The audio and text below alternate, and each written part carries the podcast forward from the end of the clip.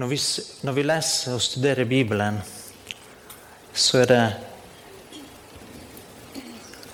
noe forunderlig som, som skjer i det skiftet fra at vi tar imot og kommer til tro på Jesus. Før det har vi levd i denne verden som anførselstegn alminnelige mennesker.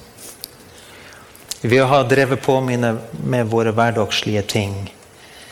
Vi har gjort så godt vi kunne. Vi har tjent til livets opphold. Vi har jobba, vi har studert, vi har levd. Vi har søkt litt ja, Søkt gode ting for oss sjøl, for vår familie. Vi har søkt underholdning, vi har sett på TV, vi har reist på ferie. Vi har gjort de vanlige tingene som vanlige folk gjør.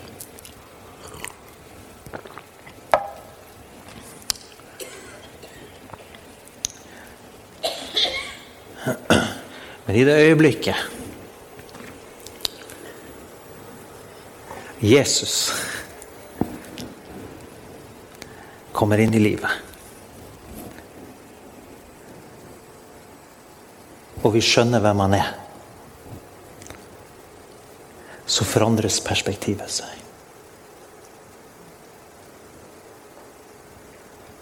Da forstår vi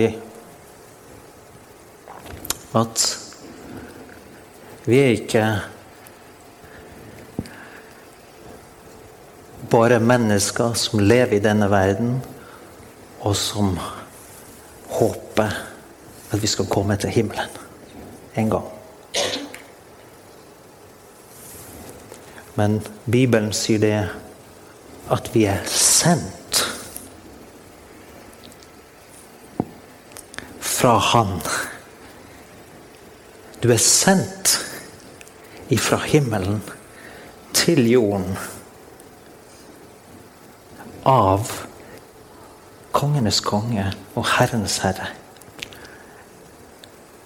Med et oppdrag, med et budskap som Bibelen kaller for de gode nyhetene. Plutselig så representerer verken jeg eller du oss sjøl i denne verden.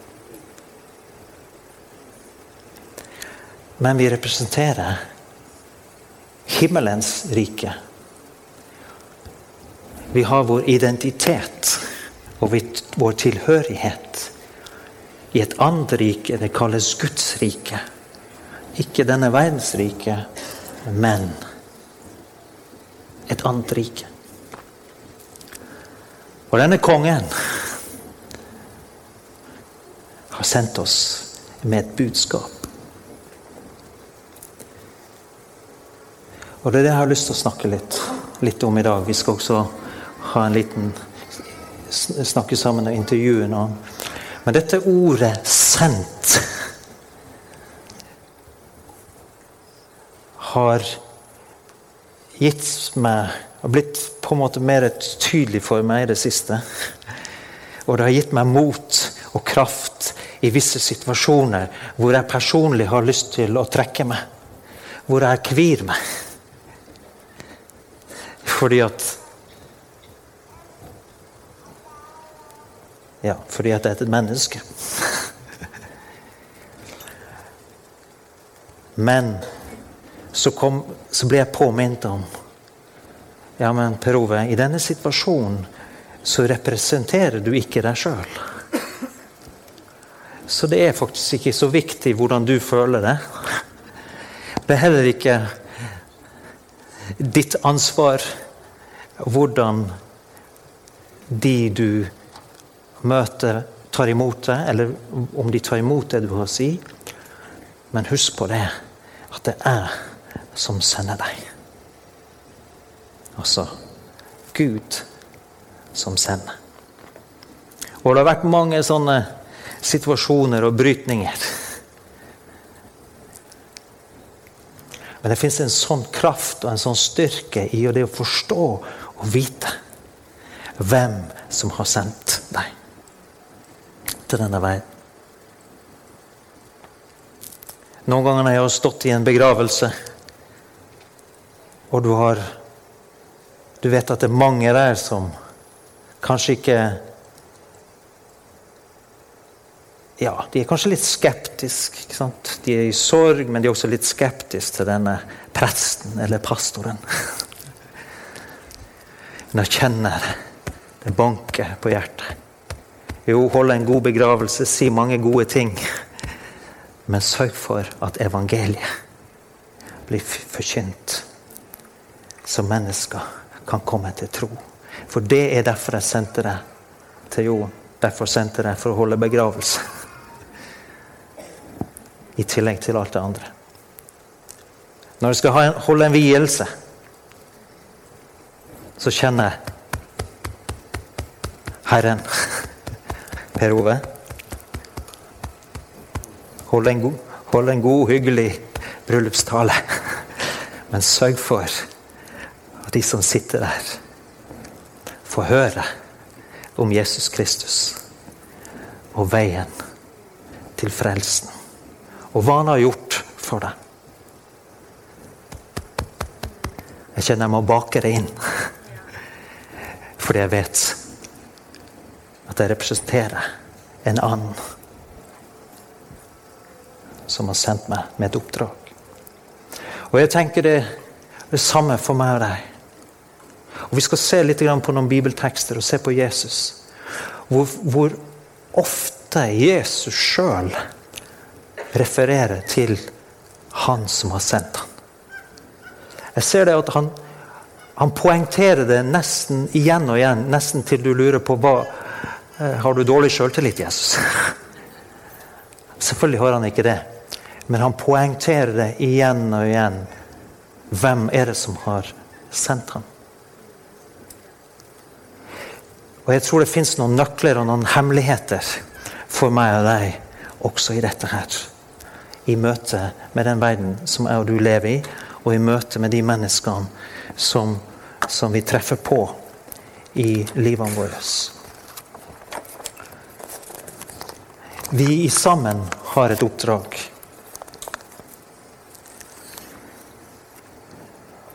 Men Jesus han sa det at i Johannes 6 sa han det at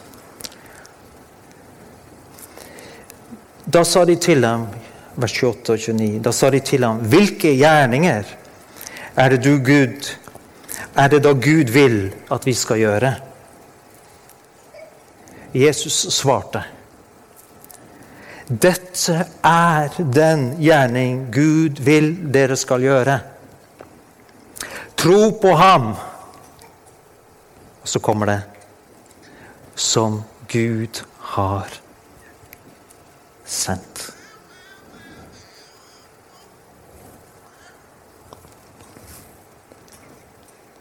Samme kapittelet, vers 38. For jeg er ikke kommet ned fra himmelen for å gjøre det jeg selv vil.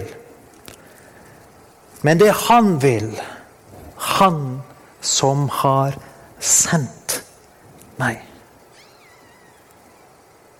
Og det han vil, han som har sendt meg At jeg ikke skal miste noen av alle dem han har gitt meg, men reiser dem opp på den siste dag. For dette er min fars vilje, at hver den som ser Sønnen og tror på ham, skal ha evig liv. Og jeg skal reise ham opp på den siste dagen. Døperen Johannes ser, han hadde akkurat den samme forståelsen. Når han så Jesus, eller han snakket om Jesus Jeg kjente han ikke, men han som sendte meg for å døpe med vann, sa til meg Han du ser ånden nedover og bli hos, han er det som døper med Den hellige ånd.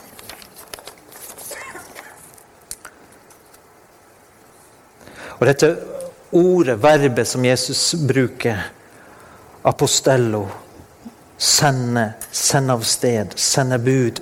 Men det inneholder sende med autoritet og mandat. Det er ikke liksom 'kan du sende smøret over bordet'? Men det ligger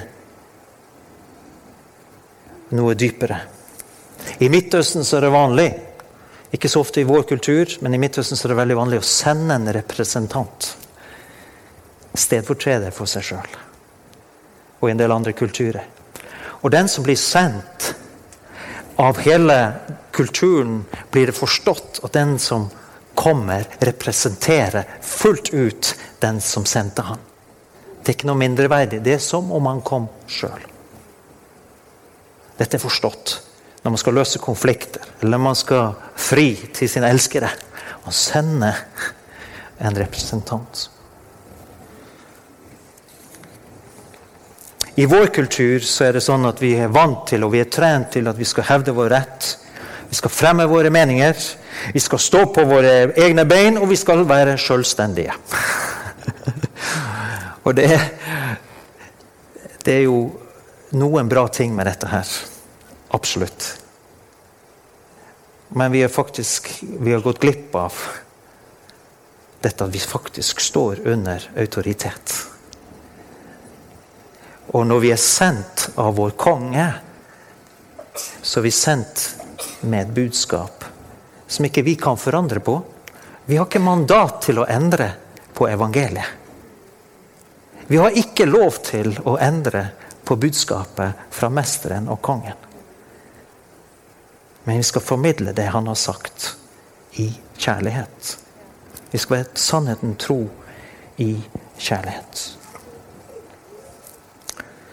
Jesus var hele tiden poengtert at han formidla fars sin vilje.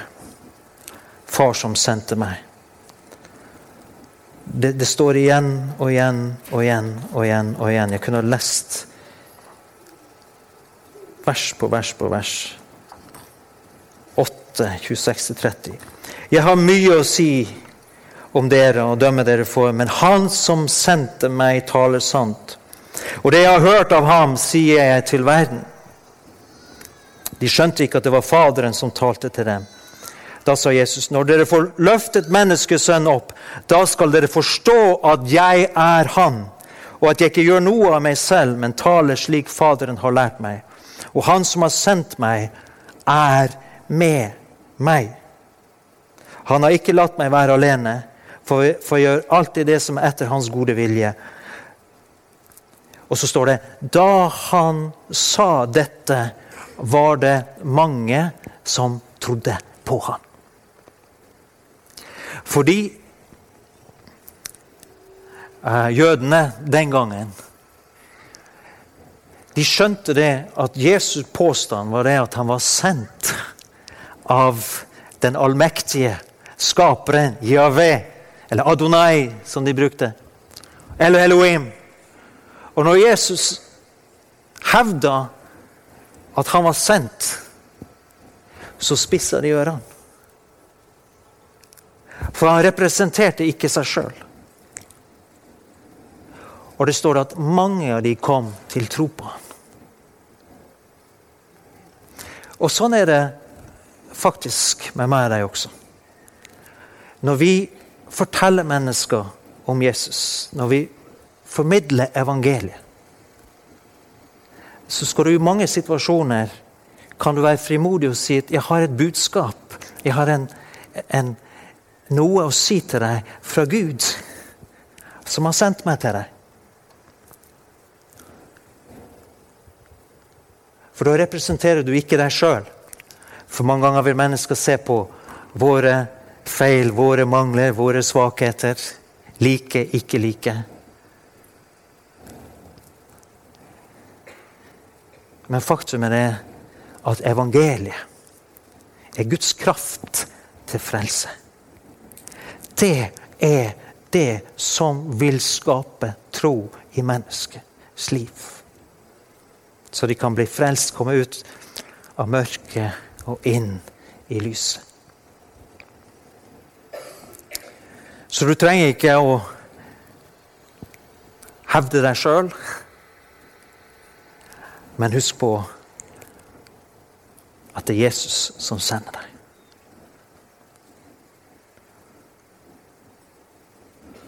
Med disse gode nyhetene. Og Jeg har noen venner med meg her, gjester som vi skal som dere kjenner fra menigheten, men vi skal ha en liten samtale og lite, stille noen spørsmål. og De skal få dele fra sine erfaringer og liv. Så hvis Erik og Kjersti og Roger kommer fram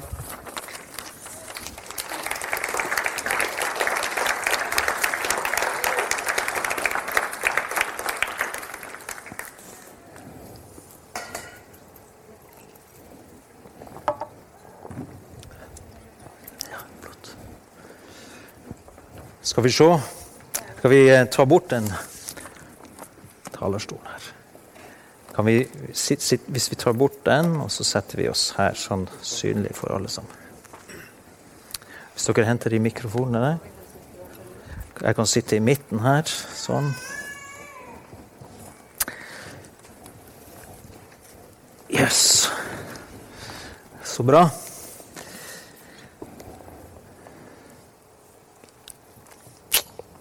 Roger, jeg og du var på tur. Ja. ja. Utsendt av Gud og utsendt fra menigheten. Og eh, jeg tenkte Jeg skal bare vise noen bilder. også. Eh, her er vi i Nord-India, i Jammu, Jammu Kashmir. Og eh, der jobber vi med noe som heter Bethel City Light Church. For å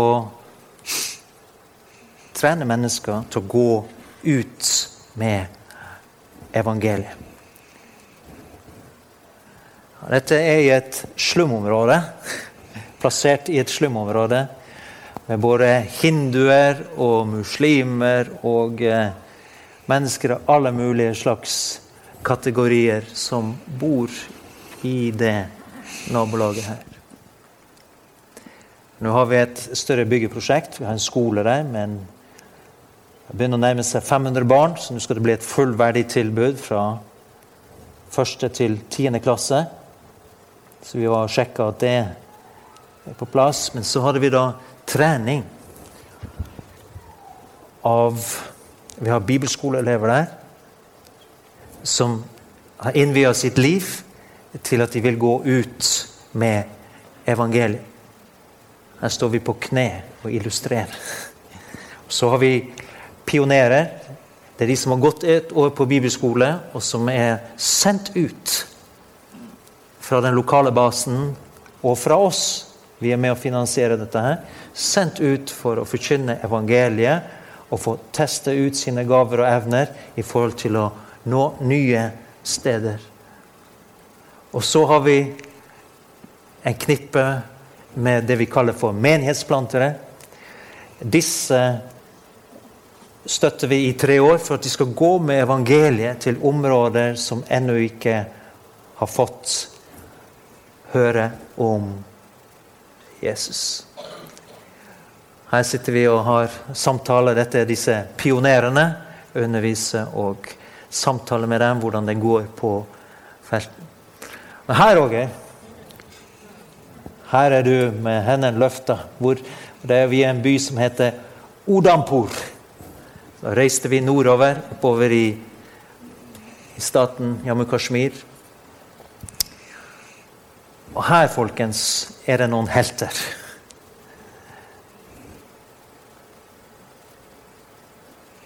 Ser du den karen her?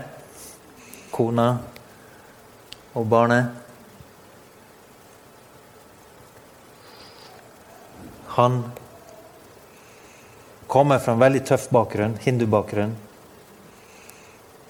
Eh, familien har eh, i stor grad forkasta han, avvist han, fordi han kom til tro på Jesus. Men jeg merka at det var en, en, kobling i hjertet.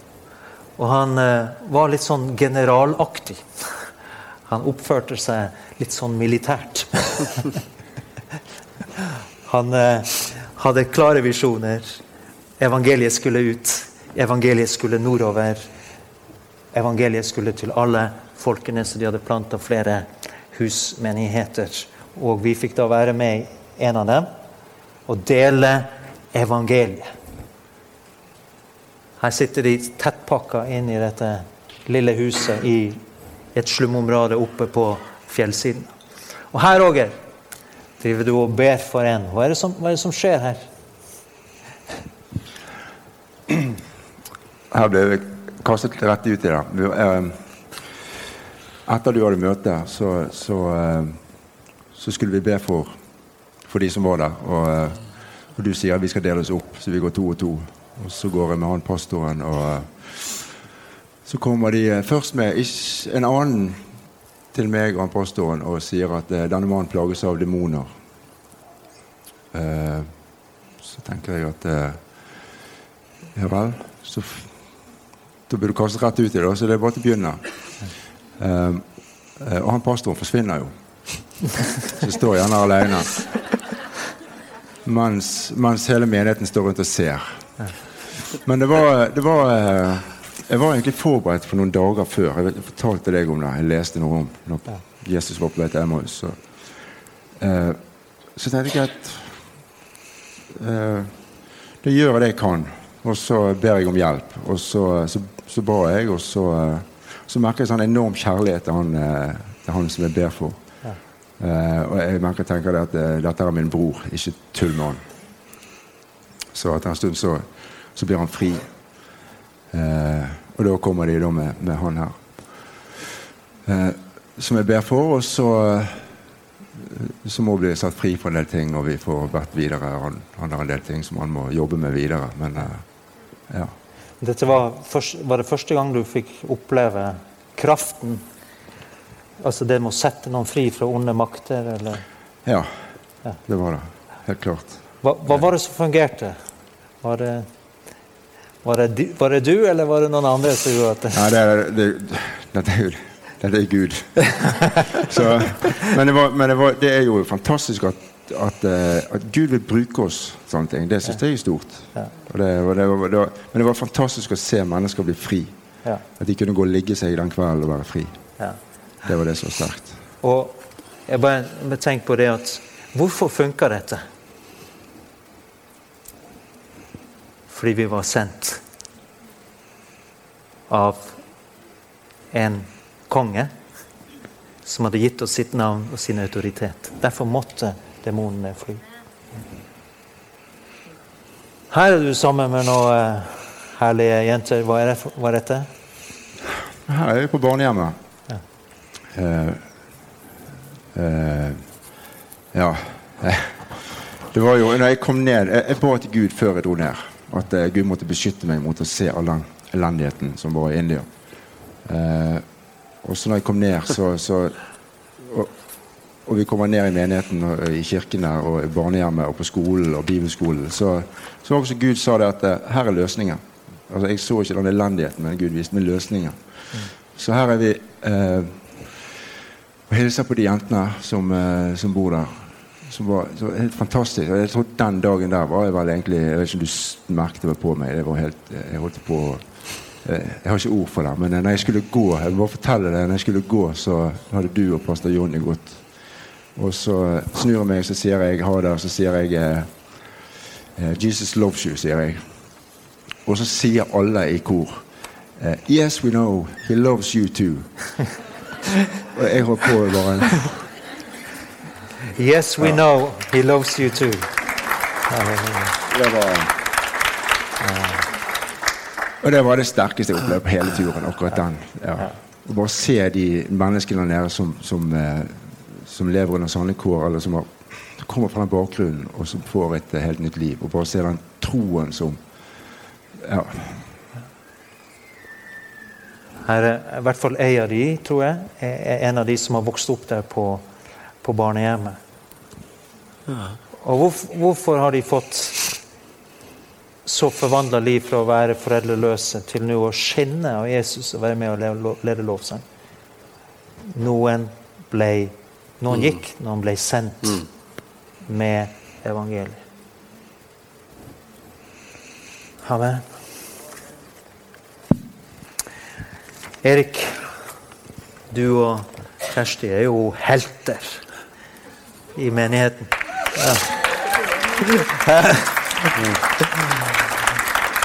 Så eh, vi er jo veldig glad for at dere er tilbake i Bergen. Sånn, i hvert fall ha basen her. Men det som jeg tenkte på, eh, er jo eh, Det er kanskje ikke alle i, i menigheten her som, som kjenner dere, men vi kan bli kjent med dere etter hvert. Og vi kan ikke ta hele den historien. Eh, men dere reiste ut for over 17 år siden. Dere ble sendt, regner jeg med. Dere ble sendt av Gud og sendt av menigheten.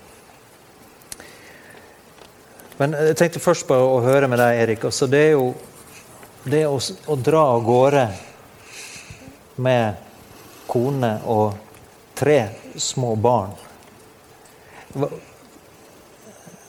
Hvordan var du så sikker på det at, at du skulle dit, liksom? Hva, Vel, eh, fra jeg ble en kristen, så har jeg hatt eh, opplevelser med Gud der jeg tror han viser meg ting eller gir meg inntrykk, eller også sier noe. Og når det gjelder det med å reise til Filippinene, så, så opplevde vi at Gud talte til oss begge to. Forklarte og viste oss veldig tydelig at vi skulle gjøre det. Og ja, hvordan, hvordan talte han? Så Kom det en røst fra himmelen? Ne, nesten. Uh, men altså, på en måte skal jeg være helt ærlig, på en måte så tror jeg det var en setup.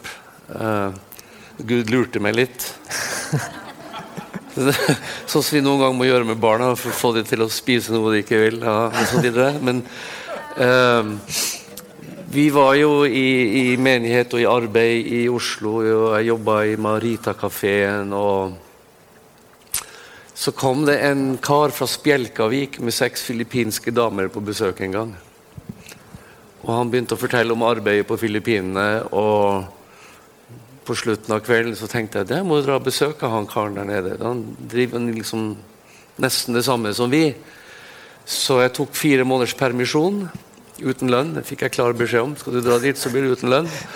Eh, og Så tok jeg med kone og barn og så dro jeg på fire måneders ferie til Filippinene for å se og oppleve hvordan ungdom i oppdrag da jobba med prostituerte og evangelisering på barer. Og en kveld mens barna lå og sov, så drev Kjersti og jeg og trava rundt i stua og ba. Og, og så Tanja bruker å si vi går og gauler og står i. Uh, Kjersti gauler mest. Uh, jeg ber litt mer sindig. Nei uh, så vi, vi, vi, drev og ba, og så gjorde jeg noe som jeg pleier å si det skal du egentlig ikke gjøre hvis du ikke mener det. Jeg ba en bønn som slutter med 'Skje din vilje'. Vi ba om hva Gud, hva er din vilje med dette her greia. Og så snur jeg meg rundt og går og skal faktisk ta i dodøra. Så kommer Guds ånd så sterkt, og jeg snur meg mot Kjersti og sier med høy røyst Jeg er ikke så veldig høyrøsta, egentlig. Du sier jeg kaller dere til Filippinene. Dra hjem og forbered dere. Sånn, sånn, profetisk, nesten. Og jeg skvatt. Og dette her begynte en prosess i oss som egentlig gikk ganske fort. Vi visste at ok, vi måtte bare hjem, koste hva det koste vil. Og um, forberede oss. Vi skal til Filippinene. Og for meg er det ganske lett, fordi da jeg først ble en kristen, var jeg første gang hørte evangeliet sånn i halv to-tida om natta på en bar uh, i 81, så var det så sterkt at allerede dagen etterpå så måtte jeg fortelle folk om det. Ja. Og, og, selv om livet mitt der og da ikke ble så ok, det var mange ting som måtte fikses på denne karen, så uh, endte jeg etter hvert i, i fengselet. Og ikke, ikke som martyr, bare som det sagt. Uh, men Jesus hadde fått plass i mitt hjerte, men livet mitt fulgte ikke så veldig godt etter. Så jeg endte opp i fengsel. Der inne kom min egentlige omvendelse. Der gjorde jeg til konge, Jesus til konge, ikke bare frelser.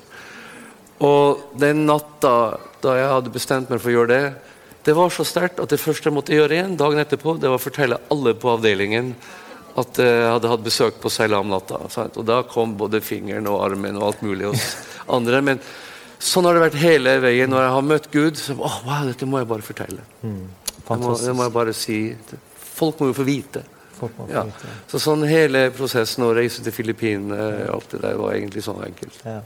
Og vi vet jo det har, det har skjedd utrolig mye mens dere, dere var ute på felten. Og, og Kjersti, du kan jo fortelle kanskje en, en historie om eh, når dere ble sendt fra Filippinene til et annet land uten å vite hva dere var, eller hvem dere skulle møte. Og, Men det var, Gud, Det var Gud. Gud som sendte. Eh, Det starta eh, Vi var jo engasjert i en bibelskole. Eh, Vi drev en bibelskole der nede. Og hver dag drev vi og ba, og Nepal ble lagt på hjertet vårt mer og mer og mer. Eh, og så kom det til en eh, tid da hvor eh, vi fikk muligheten til å reise. og Skulle reise med en gruppe med damer. Eh, men de trakk seg. Fordi det da var eh, Kongen hadde blitt avsatt, og det var skikkelig Det ble ikke anbefalt å reise. Så alle de andre damene sa de opplevde at de ikke skulle reise. Det var statskupp. Det var statskupp, rett og slett. Men inni meg så var det bare sånn Jeg må dra. Ja. Jeg, det er ingen som kan stoppe meg. Det er bare må dit. og eh, heldigvis så har jeg en mann som Erik, så han sa du drar. Så jeg dro aleine til Nepal. Jeg kjente ingen. Visste ikke hvor jeg skulle. Det eneste Jo, jeg visste ett sted jeg skulle, det var opp til Pokhara og møte Somaya en dag der oppe. Og kom meg opp til, eh, til Pokhara. Og vi endte inn i et uh, sykehus. Uh, og når, vi- når jeg, vi dro til Nepal den gangen Er det noen som har hørt om Trond Berg? Husker Trond Berg 2000? Ja. Han ble jo tatt, eh, fengslet og slått og Ja, ikke bra. Det var jo ikke lov til å forkynne evangeliet på gata eller noe sted i Nepal den gangen, og heller ikke når jeg dro den gangen. Så når jeg kom inn på dette sykehuset så bare visste jeg at eh, jeg kan jo ikke dele Jesus sånn ansikt til ansikt med folk. Men vi kom inn, et, eh, inn i et sykerom hvor eh, det lå bare masse døende mennesker. Eh, og når vi kom inn i det rommet, så var det en sånn kjærlighet som bare overmanna meg. Det var bare sånn Om jeg blir steina, inn i fengsel, hva som enn skjer Disse menneskene må høre om deg, Jesus. De må få kjenne deg. Og Sumaya jobba som tolk, og jeg kjørte i gang med evangeliet. Og vi måtte jo begynne helt fra bånn, for de hadde jo ikke hørt om Jesus, ikke om Bibelen. Enkle evangeliet, og så fra ene senga så kommer det Hvordan kan jeg ta imot Jesus? Vi gikk over til senga og fikk be med han til frelse. Gikk fra seng til seng til seng og bare ba for disse her. Eh, det tok denne kjærlighet, Guds kjærlighet tok meg bare så. Og Sumaya dro, og jeg var igjen aleine på rommet eh, der jeg bodde. Og neste dag så var jeg, jeg var, Gud, jeg bare må tilbake. Det var bare noe inni meg, og jeg tror det er det som er drivkraften til det med å bli sendt. Det er jo at vi får eh, kobling med Guds kjærlighet. Ikke sant? Da er vi villige til å gå, vi er villige til å gjøre. Og denne kjærligheten tok så overhånd. Så jeg lå på kne inn på det rommet der og jeg var Gud, jeg må tilbake jeg må tilbake til disse her. Eh, Men jeg har jo ikke noe tolk nå, for nå var jo Somaya dratt. Ja. Og så sier, det, sier Gud, en hellig ånd, bare plutselig bare gå ned og hør i resepsjonen og spør om sønnen der kan eh, dra med deg. Så jeg går ned til resepsjonen så sier jeg, du, er det noen som kan hjelpe meg. Jeg bare må tilbake til dette sykehuset. Ehm, ja, det har vi. Og så kom jeg ned der og etter en time og møter sønnen Raju. Han blir med meg inn. og Sønnen til de som driver hotellet? Var det sånn? Ja. ja. okay. Han er egentlig da ikke sønnen deres, men barndomsgutt. da. Ja, okay. Og han blir med der og inn på dette rommet igjen og fordeler evangeliet, og han tolker det. Og så blir jeg kjent med Raju, Ja. som da forteller at jeg har bedt i 15 år etter å komme på bibelskole. Jeg, jeg bare lengter etter å bli trent, jeg lengter etter å bare være under ordet. Og jeg bare, da, den gangen jobba, eller da jobba vi jo med New Life og hadde bibelskole, så jeg sa vet du hva Få tak i flybillett, få tak i deg pass, du kan bo hos Erik og meg, og vi har bibelskole. Og han kom jo da på bibelskole i New Life på Filippinene under trening i to år. Reiste tilbake igjen, har starta menighet, starta bibelskole.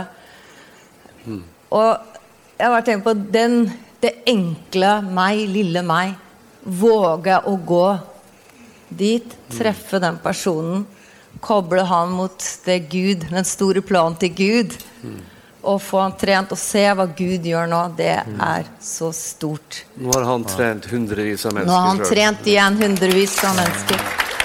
Amen.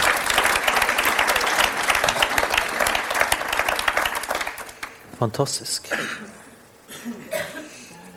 Amen. Men det startet med at dere ble sendt av Gud fra Oslo til Bergen. Så var det fra Bergen til Manila. Fra Manila til Nepal. Ja. Ja. Så der fins en plan, folkens. Og Erik, eh, vi har en, en generasjon flere, flere, En menighet med alle generasjoner. Men har du noe eh, helt avslutningsvis som du ville ha Hva er det viktigste du kan formidle til eh, våre ungdommer og til, til menigheten som du har lært på disse årene? Det viktigste jeg har lært uh, Kanskje ikke det mest populære å si, men når jeg offentlig, både gjennom bekjennelse og dåp, sa at Jesus blir min herre, så fra det øyeblikket så tilhører jeg ikke lenger meg sjøl. Det er veldig kjekt å synge om, men det er ikke like kjekt å alltid gjøre.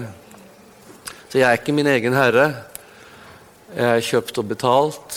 Og hvor jeg lever, hvem jeg lever sammen med, eh, hvor jeg skal gå på skole og alt dette her, det, det bør jeg faktisk ta opp med han som eier meg. Få han med på, på laget. Det har vært min greie helt siden jeg ble en kristen. Og jeg er ikke smart nok til å finne ut av alt det der sjøl egentlig heller. Så eh, det vitna jo mitt tidligere liv om. Jeg satt ikke inne for at jeg var så smart, liksom. Jeg ble ikke narkoman for at jeg var så smart.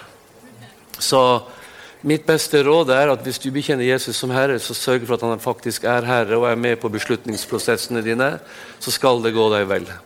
Ja, Amen. Amen. Herlig.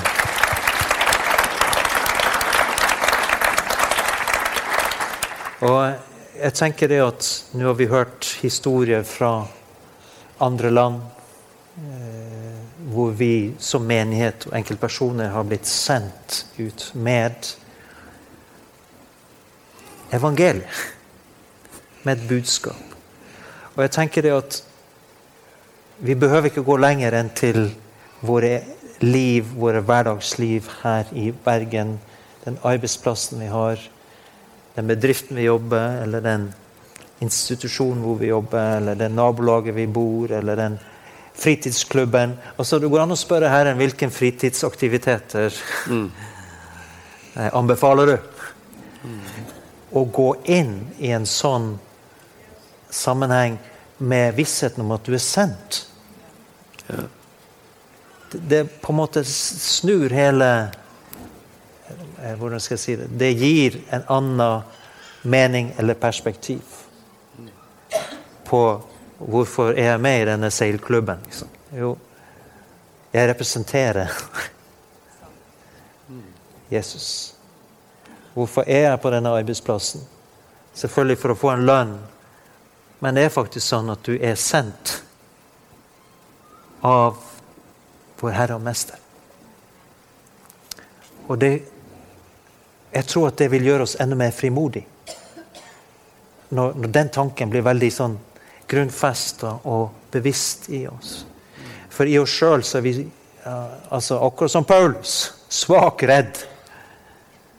Han, han, han, Paulus, den store apostelen, møtte alle de samme følelsene og tankene og frykten for forkastelse og avvisning og alt det. Akkurat det samme som jeg og du. Men han var så Han skjønte, og han var så overbevist om at han var sendt. Og det, det gjorde at han, han han våga å stå opp også i møte med keiseren. Så våga han å stå opp og fortelle evangeliet. For til og med keiseren, eller Cæsar, og hans medarbeidere skulle få sjansen til å bli frelst. Skal vi avslutte med en bønn? Vi kunne ha fortsatt å dele mange historier. Vi skal få høre mange historier etter hvert. Dere har masse på laget. Og... Eh, men la oss gi dette her til, til Gud nå. Skal vi gjøre det? Og så enda en gang la oss overgi våre liv til Jesus som vår Herre. Noen ganger må vi på en måte gjøre det Ja, vi gjør det én gang, men noen ganger gjør vi det daglig.